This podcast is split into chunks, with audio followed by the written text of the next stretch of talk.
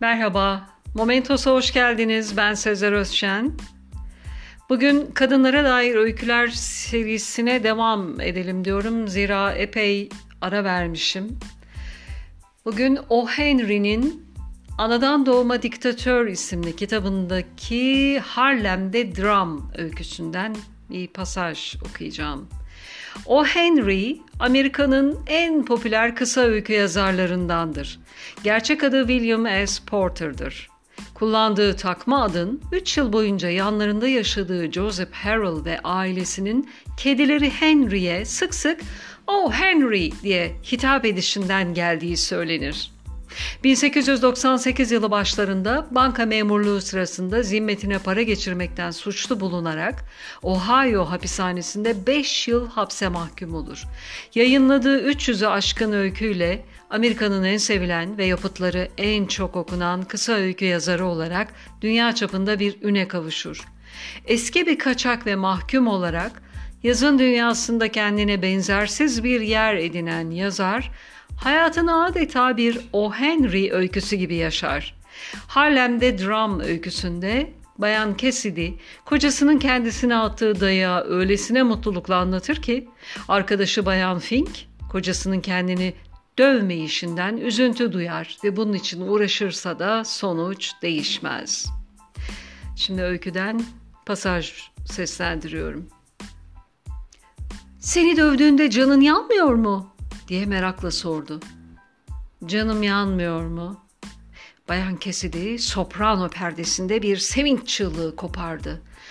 Taş bir binanın üstüne devrildiğini düşün. İşte aynı duygu. Yıkıntı altından çıkarılıyormuşsun gibi oluyorsun.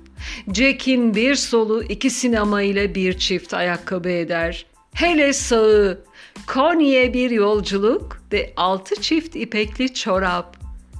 Bayan Fink'in gözleri fal taşı gibi açılmıştı. Peki seni neden dövüyor? Bayan Cassidy arkadaşına hoşgörüyle bakıp gülümsedi.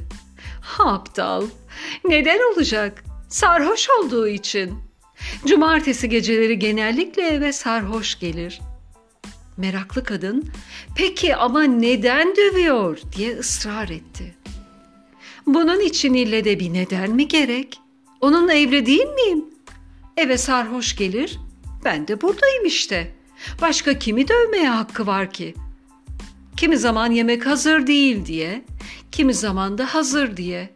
Jack pek öyle nedenlere önem verecek bir insan değildir.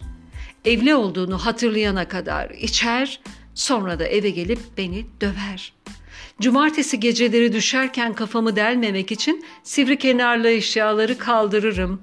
İnsanı sersemleten bir solu vardır. Okuma burada bitiyor.